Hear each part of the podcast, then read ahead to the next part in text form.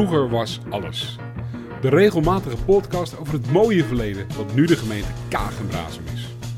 Mijn naam is Patrick Deters en ik duik in de archieven van de Stichting Oud Alkmaar, Stichting Oud Lamuiden en Rijnzaterwoude en de vereniging Otto Cornelis van Hemessen om de mooiste verhalen eruit te vissen. Welkom bij Vroeger was alles.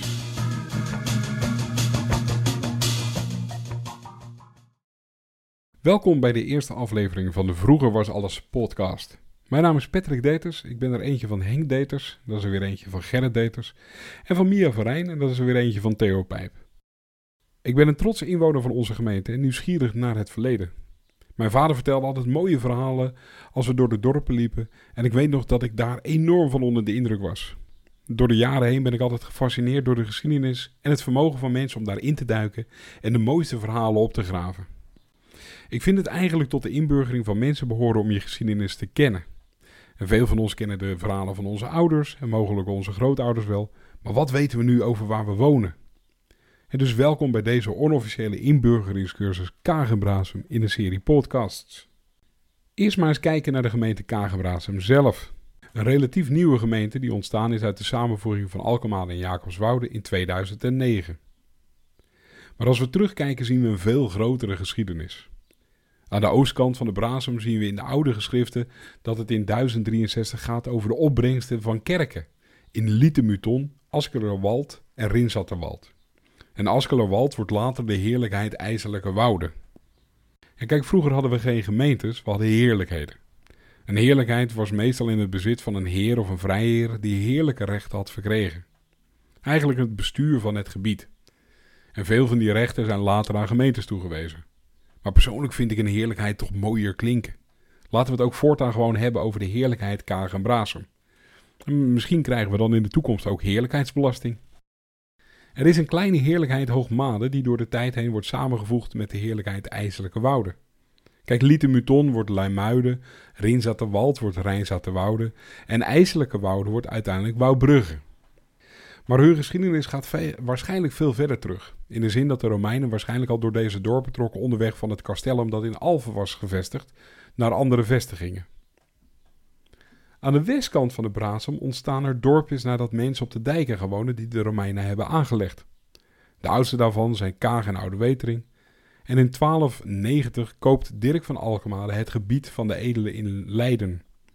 Hij woont in een inmiddels niet meer bestaande burcht in Warmond en waarschijnlijk was zijn achternaam opgebouwd uit de oud-Nederlandse woorden alke, wat modder betekent, en made, wat hooiland betekent. Hoogmade zal dus waarschijnlijk een hoger gelegen hooiland zijn geweest.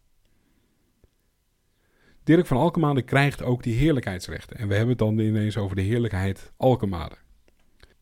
Aan de andere kant is de heerlijkheid IJselijke Wouden, die vaak in één adem genoemd wordt met de heren Jacobswoude. Waarschijnlijk is dat een verwijzing naar de ambachtsheer Jacob van der Woude, die rond half 1200 daar ook aanwezig was. Wat deden we hier eigenlijk? Nou, in de omgeving ging het voornamelijk over turfsteken en visserij. Vanaf 1500 kwam er ook tuinbouw op en waren we de groentetoevoer voor Amsterdam. In 1991 gaan Wouwbrugge, Hoogmade, Rijnzaterwoude, Lamuiden en Beelderdam samen op in de gemeente Jacobswoude. Een naam waar twee conflicterende verklaringen voor zijn. De eerste verklaring wordt geleverd door Otto Cornelis van Hemessen, die de stukken, in de stukken een verwijzing ziet naar het dorp Jacobswoude.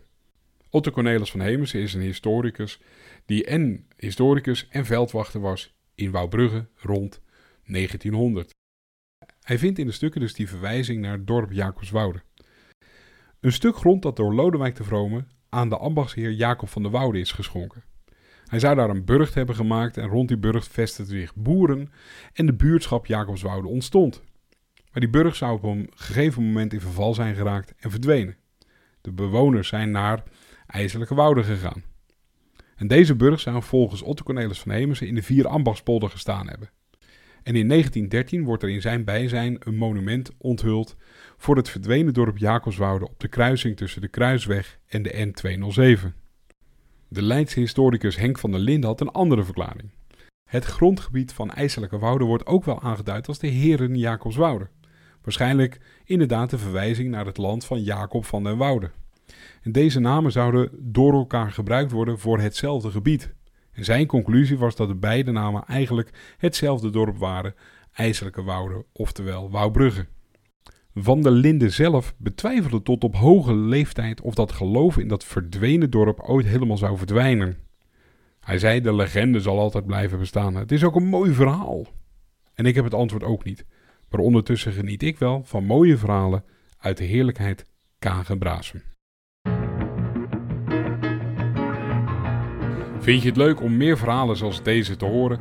Abonneer je dan op de podcast. Dat kan via iTunes, Google of via de website www.vroegerwasalles.nl. Op die laatste website vind je ook links naar de historische stichtingen en vereniging en alles wat je nog meer zou willen weten over de live voorstellingen. Wil je de podcast helpen? Word dan lid van een van de historische stichtingen of vereniging, want daarmee zorgen zij dat deze mooie geschiedenis blijft bestaan. Graag tot de volgende. Vroeger was alles.